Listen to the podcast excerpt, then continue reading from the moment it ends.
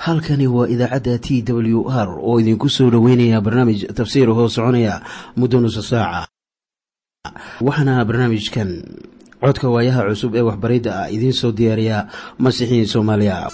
Sareyow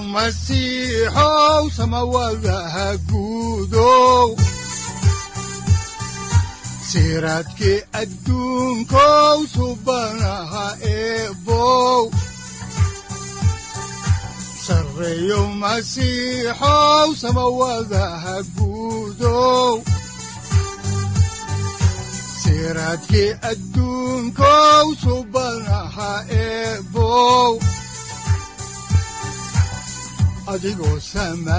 jiro ku soo dhowaada dhegaystayaal barnaamijkeenna dhammaantiinba waxaannu dhexda kaga jirnaa taxanaheennii ahaa dhexmarka kitaabka quduuska ah waxaannu caawa idiin bilaabi doonnaa cutubka siddeed iyo tobanaad ee kitaabka saddexaad ee muuse oo loo yaqaano laawiyiinta marka horese waxaannu wada dhegaysanaynaa qhasiidadan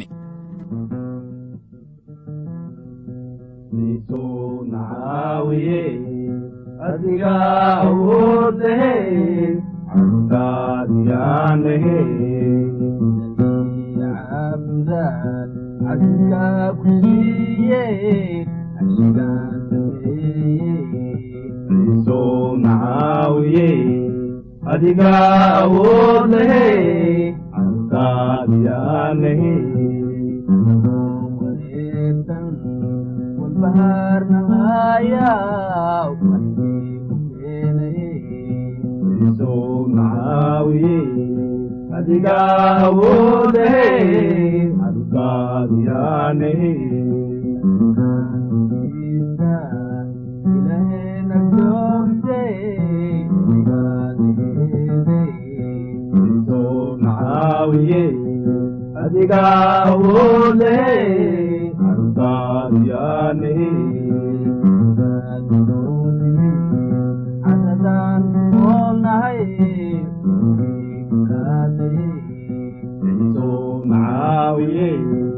adiga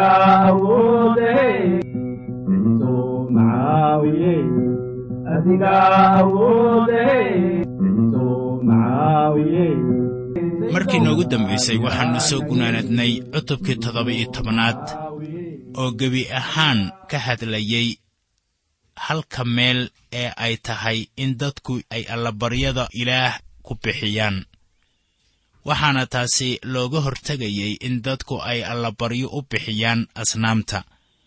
Marka ay soo dhex degaan ama hareer degaan qowmiyadaha karaahiyada ah ee asnaamta caabuda. Mawduuceenna caawa wuxuu ku saabsan yahay damiir xumida oo laga dayriyey amase aan idhaahdee sinada waana amarka toddobaad oo la sii xoojiyey ilaa iyo haatan sharciga ku saabsan xeerka daahirinta waa la soo dejiyey. Waxaana qodobadaasu ay sharciyaynayaan xeerarka diimaha. Cutubyada sagaal iyo toban ilaa labaatan ayaannu ku arkaynaa qayb muhiim ah oo ku saabsan tobanka wasiyadood oo markan loo isticmaalayo xaaladaha nolosha. Haatanse aynu eegno dulmarka cutubkan siddeed iyo tobanaad kow tusmada waxyaabaha bulshada laga xarrimay waxay ku qoran tahay aayadaha kow ilaa shan. Labo guurka qaraabada oo la mamnuucay ayaa ku qoran aayadaha lix ilaa lix iyo toban. Saddex guurka la wada guursado gabarh iyo hooyadeedna waa la mamnuucay. Sida ku qoran aayadaha toddoba iyo toban ilaa labaatan afar waxaa kaloo la mamnuucay in carruurta loo bixiyo moolekh waa sidii caadadii waktigaasu ay ahaan jirtay waxaana ay ku qoran tahay aayadda kow iyo labaatanaad. Shan qaniisnimada ama maqnuudnimada ayaa la mamnuucay sida ku qoran aayadaha laba iyo labaatan ilaa saddex iyo labaatan. Lix qaramadii degganaa dhulkii falastiin waxaa loo eriyey dembiyadaas daraaddood. Waxaana taasu ay ku qoran tahay aayadaha afar iyo labaatan ilaa soddon. Haatanna waxaannu ku bilaabaynaa maaddada qusaysa tusmada waxyaabaha ilaah uu ka xarrimay bulshada. Balse taasi aynu wax uga ogaanno waxaannu haatan idin bilaabaynaa cutubkan siddeed iyo tobanaad oo waxaannu eegaynaa aayadaha kow ilaa shan waxaana qoran sida tan. Markaasaa rabbigu muuse la hadlay oo wuxuu ku yidhi reer banu israa'iil la hadal oo waxaad ku tidhaahdaa anigu waxaan ahay rabbiga ilaahiinna ah. Falimaha dalka masar ee aad degganaan jirteen waa inaydnaan samayn oo falimaha dalka kancaan oo aan idiin geynayana waa inaydnaan samayn. Oo qaynuunnadoodana waa inaydnaan ku socon. Waxaad samaysaan xukuumaddayda oo waxaad dhowrtaan qaynuunnadayda si aad iyaga ugu dhex socotaan. Waayo aniga ayaa ah rabbiga ilaahiinna ah. Haddaba sidaas daraaddeed idinku waa inaad dhowrtaan qaynuunnadayda iyo xukuumaddayda. Oo ninkii sameeyaana iyaguu ku noolaan doonaa waayo aniga ayaa ah rabbiga waxay ka yimaadeen dhulkii masar waxaanay halkaasi ku samayn jireen waxyaabo la mamnuucay. Haddaba dembiyada wuxuushnimada ah ee laynoo sheegi doono waxay ahaayeen waxyaabo masaaridu ay dhaqan iyo caado u lahaayeen. Markaana waxay ahayd in ilaah dadkiisa uu ka soo dheereeyo ama ka soo fogeeyo in dadkiisa lagu booriyo dembiyada deegaankaas ka dhacayay waxay haatan u socdaan dhulkii kancaan oo ahaa dhul caane iyo malab la barwaaqaysan. Laakiin caane iyo malab oo keliya dhulkaasi ma oolin. Waxaase halkaasi joogay reer kancaan. Waxay dadkaasu ahaayeen dad damiir xumo lagu sheegay. Ilaah wuxuu arkay in reer banu israa'iil ay dhex gelayeen laba xaaladood oo kala daran. Masaaridu way ka dambeeyeen reer kancaanna way ka horreeyeen. Labadooduba waxay ahaayeen kuwa aan damiirkoodu ama fikirkoodu hagaagsanayn. Waxaan innaguba nool nahay maalin marka dadku ay ka hadlayaan kacaankii isgalmaadka. Markaan waxaas maqlo waxaan la yaabaa in dadku ay akhriyeen wixii ku qornaa kitaabka laawiyiinta cutubka siddeed iyo tobanaad waxaan idinku leeyahay ma lahan wax cusub. Marka la eego kacaanka isgalmaadka oo aynu baryaha kan arkayno waxa aynu arkayno waa damiir xumadii taagnayd ee ka jirtay waddanka masar iyo reer kancaan. Haddaba ilaah wuxuu leeyahay anigu waxaan ahay rabbiga ilaahaaga ah oo waxaan ahay kan sharciyadan soo dejiyey waxaan idinku leeyahay ilaah baa soo dejiyey sharciyada. Qof baase odhan kara waa hagaage anigu dooni maayo inaan raaco sharciyadaas. Marka aad sidaas leedahay dhegaystow waa qushiga marka hore. Laakiin weli sharciyadaasi ilaah baa soo dejiyey. Markaana waxaan idinku leeyahay in tobanka amaradood la jebiyo waa qalad waayo ilaah wuxuu leeyahay waa qalad in la jebiyo tobanka wasiyadood. Taasuna waa ku filan tahay ninka ilaah ka cabsada. Waa marka ilaah uu leeyahay waa qalad in sharciyada la jebiye eh ha yeeshee kuwa doodayaasha ah ku qanci maayaan maadaama ninkaasu uu samaysto isaga sharciyadiisa oo isaga ayaa ilaah isku ah ama ilaah isku noqonayo inkastoo uu nin yahay. Marka ay sidaas tahay haddii aad abuuri karayso carshi weyn oo welibana waxaad u baahanaysaa meereeyayaal qorrax iyo dayaxba leh iyo xoogaa xiddiga ah. Markaas waad samaysan karaysaa toban amaradood laakiin inta aad ku nooshahay dhegaystow dunidan eebbe oo aad ku neefsanayso dabeeshiisa oo aad isticmaalayso qorraxdiisa oo aad cabayso biyihiisa oo aad ku kor socoto ardigiisa oo aadan wax canshuur ah bixinaynin waxaa ku wanaagsan inaad amaradiisa addeecdo wuxuu inagu leeyahay haddii aynu shuruucdiisa jebinno waa laynaga jaasinayaa. Saaxiibow si kastoo ay tahayba mar baa lagaa gudayaa haddii aad jebiso shuruucda eebbe ama shuruucda rabbiga. Laga yaabo inaanay ciidamada nabadgelyadu ku qabanaynin laakiin maalin baad ilaa hor joogsanaysaa taasuna waa wax la hubo oo aan loo noqonaynin. Qidcooyinka ka yimaada waraaqaha axdiga cusub ayaa nala hadlaya oo dhallaanka ilaah qarni kasta ee uu nool yahay waxaa loogu yeedrayaa nolol quduus ah. Haddaba dhegayso qidcadan sida ku qoran warqaddii koowaad ee reer korintos cutubka saddexaad aayadaha lix iyo toban ilaa toddoba iyo toban. Waxaana qoran sida tan. Miyaanaydin garanaynin inaad tihiin macbudkii ilaah oo uu ruuxa ilaah idinku jiro. Nin uun hadduu macbudka ilaah qarribo isaga ilaah baa qarribi doona waayo macbudkii ilaah waa quduus. Kaad idinku tihiin. Butros ayaa isna leh sida ku qoran warqaddiisii koowaad cutubka koowaad aayadda lix iyo tobanaad. Markaasoo uu lahaa waxaa qoran quduus ahaada waayo aniguba quduus baan ahay. Markaana ilaah quduusnimo ayuu inoogu yeedrayaa waxaanan u baahan nahay inaan adkayno maaddada quduusnimada. Maxaa wacay? Ilaah wuxuu inagu leeyahay quduus ahaada. Haatanna waxaannu soo gaarnay maaddada ah guurka sokeeyaha oo la mamnuucay. Si bal arrinkanna aynu wax uga ogaanno ayaannu eegaynaa kitaabka laawiyiinta cutubka siddeed iyo tobanaad aayadda lixaad oo leh waa inaan midkiinna u dhowaan qof ka mid ah xigaalkiisa u dhow inuu cowradiisa qaawiyo. Waayo aniga ayaa rabbiga ah. Si waadix ah baa loo caddeeyey inaan qofina xigtadiisa u dhow cawradiisa bannayn. Qaybtan oo dhan waxay fasiraysaa amarka toddobaad.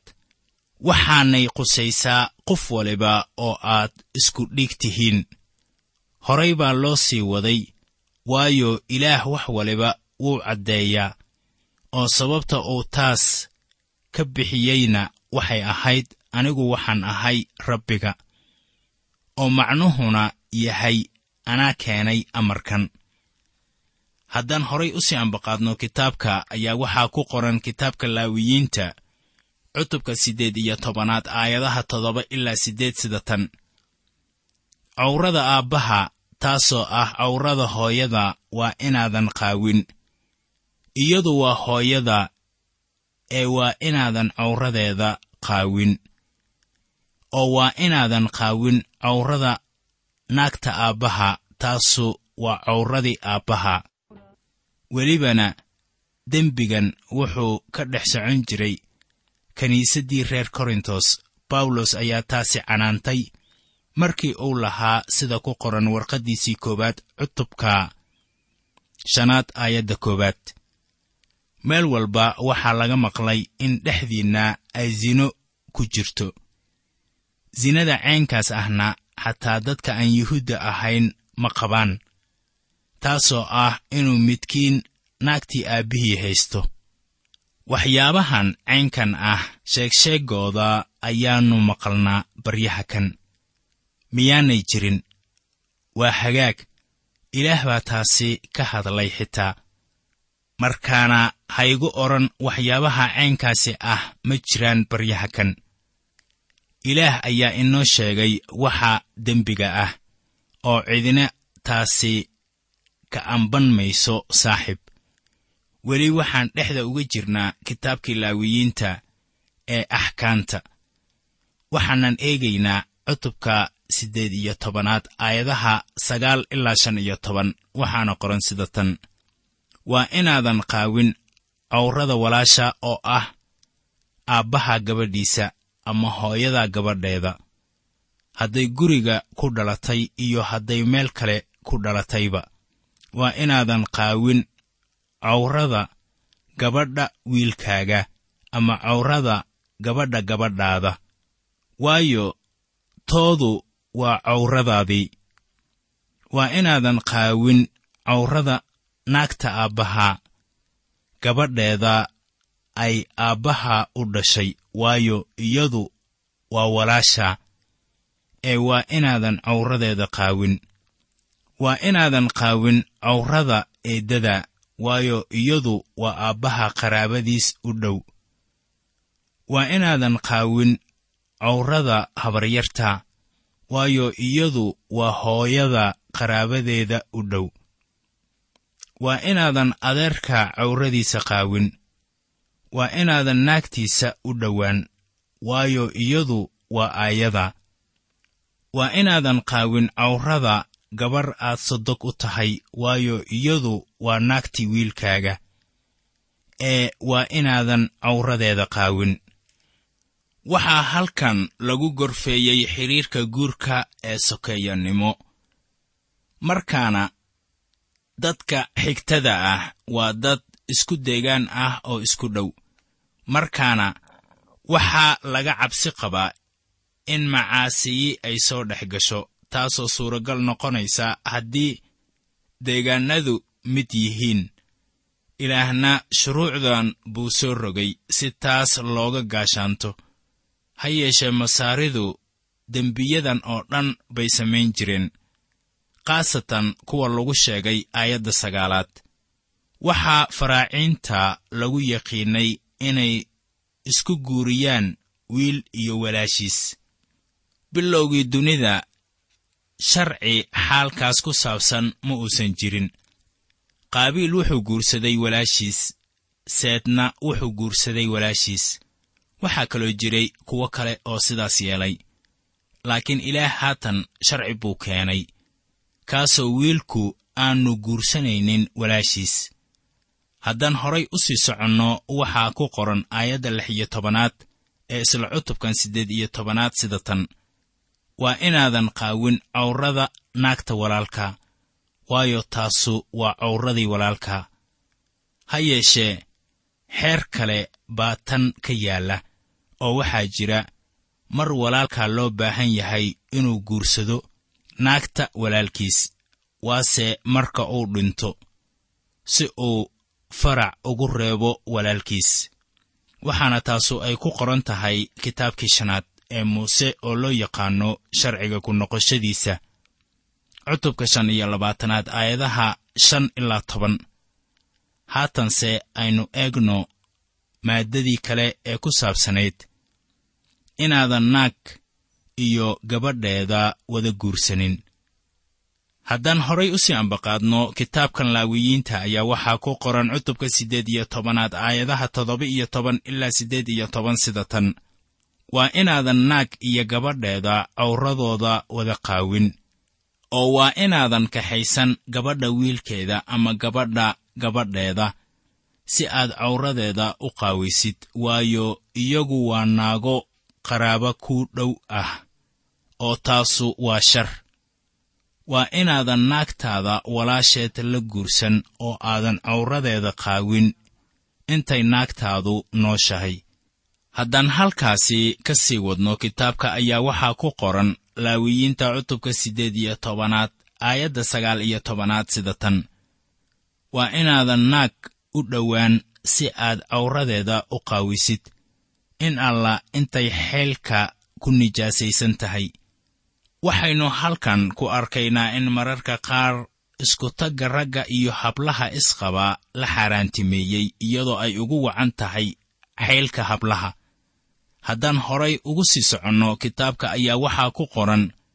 Kitaabka laawiyiinta cutubka siddeed iyo tobanaad aayadda labaatanaad sida tan waa inaadan la jiifan naagta deriskaaga si aadan iyada ugu nijaasoobin.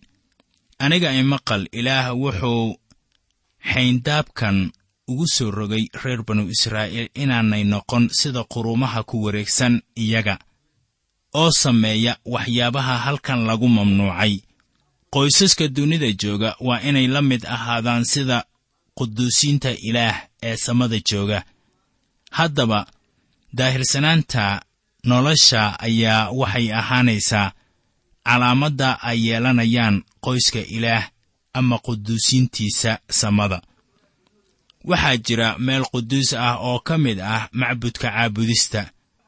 Guriguna waa meel quduus u ah qaramada si ay halkaasi ugu noolaadaan axdiga cusub wax badan buu arrinkaasi ka leeyahay oo waxaa si baahsan arrinka looga hadlay warqaddii koowaad ee reer korintos cutubka toddobaad. Iminkana waxaynu soo gaarnay kitaabka laawiyiinta cutubka siddeed iyo tobanaad aayadda kow iyo labaatanaad waxaana qoran sida tan. Waa inaadan carruurtaada moolekh siin oo aadan iyaga innaba dab u dhex marsiin oo weliba waa inaadan magaca ilaahaaga hadal nijaas ah ka sheegin. Waayo aniga ayaa rabbiga ah. Marka la leeyahay carruurtaada waxaa loola jeedaa ubadkaaga. Aayaddan waxaad mooddaa inaanay qayb ama boos ku lahayn cutubkan ha yeeshee caabudista qolyaha karaahiyada ahu. Ay caabudayaan moolekh ayaa ku xidhnayd macaasi haddaba sanamka moolekh oo ka samaysan malaha maar ama nuxaas ayaa dab lagu shidayaa oo markii uu gaduuto ayaa gacmihiisa la saari jiray carruurta markaana waxay ahayd bahluulnimo aan qiyaas lahayn laakiinse ilaaha baaqiga ah oo ahaa ilaahii ibraahim iyo isxaaq iyo yacquub ayaa taasi joojiyey haddaba qorniinka ayaa inoo sheegaya in caadadan la isticmaalay wakhtiyo wax badan ka dambeeyey wakhtigaas.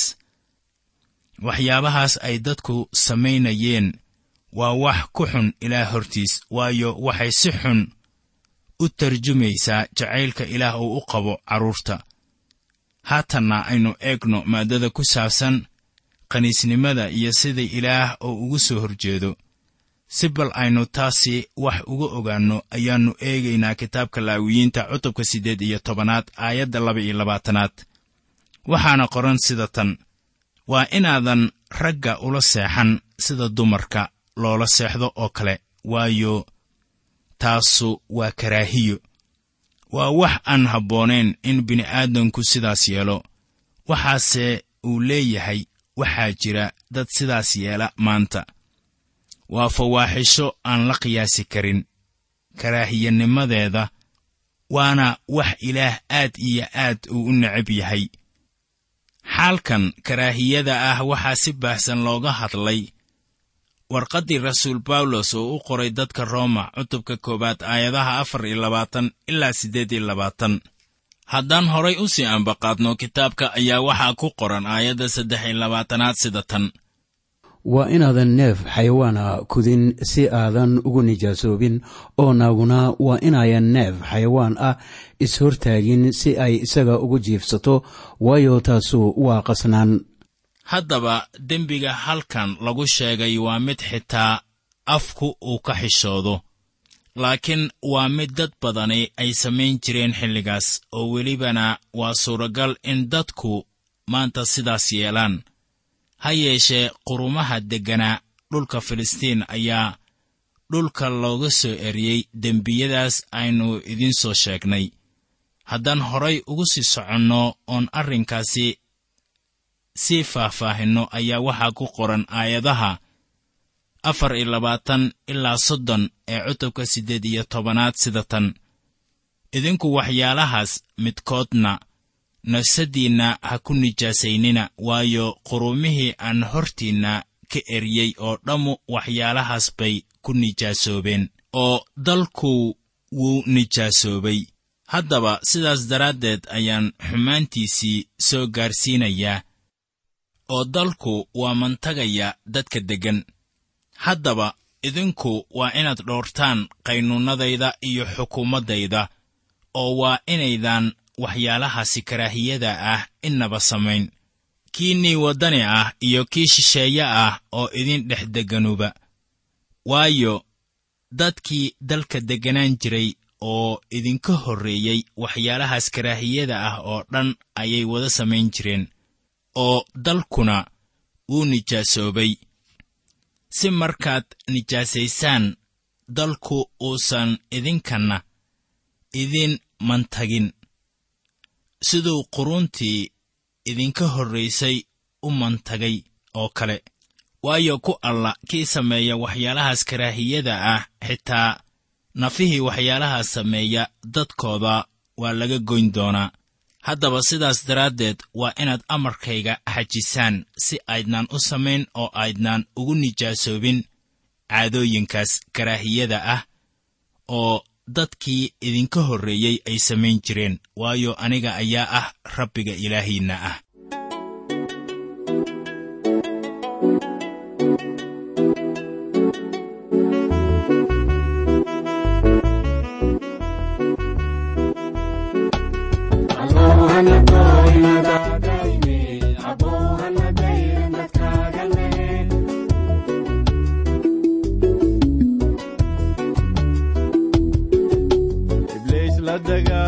dagaala dariiqanehe abbow hana dayrin dadkaaganehe qofkii dulmi doono dabnaara gelye abow hana dayrin dadkaaga nehe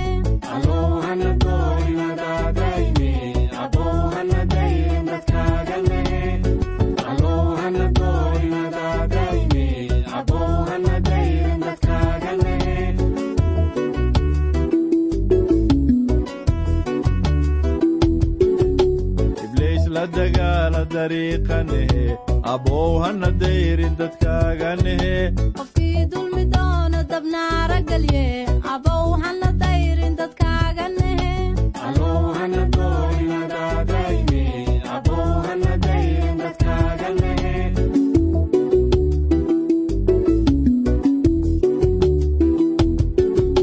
masiixa qubtiida abbow hana dayrin dadkaaganehe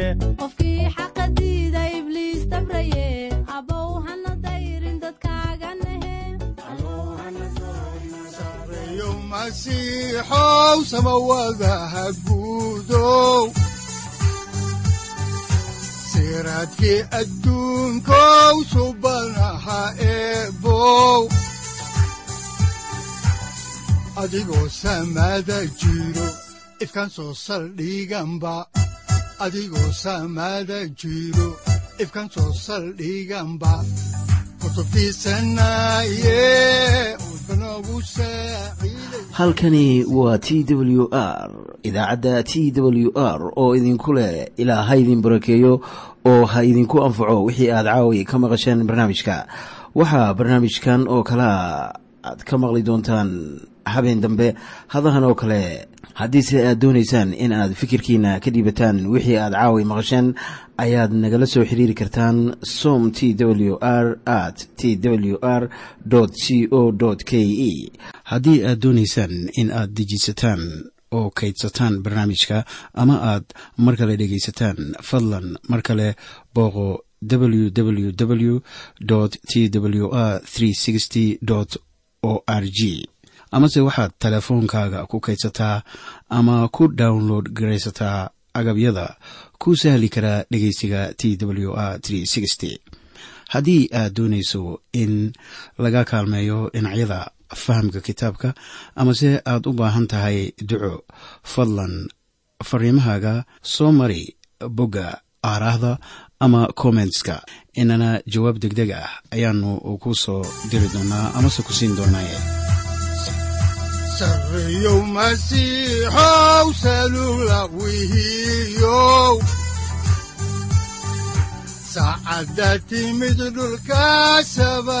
ku dhalatiyo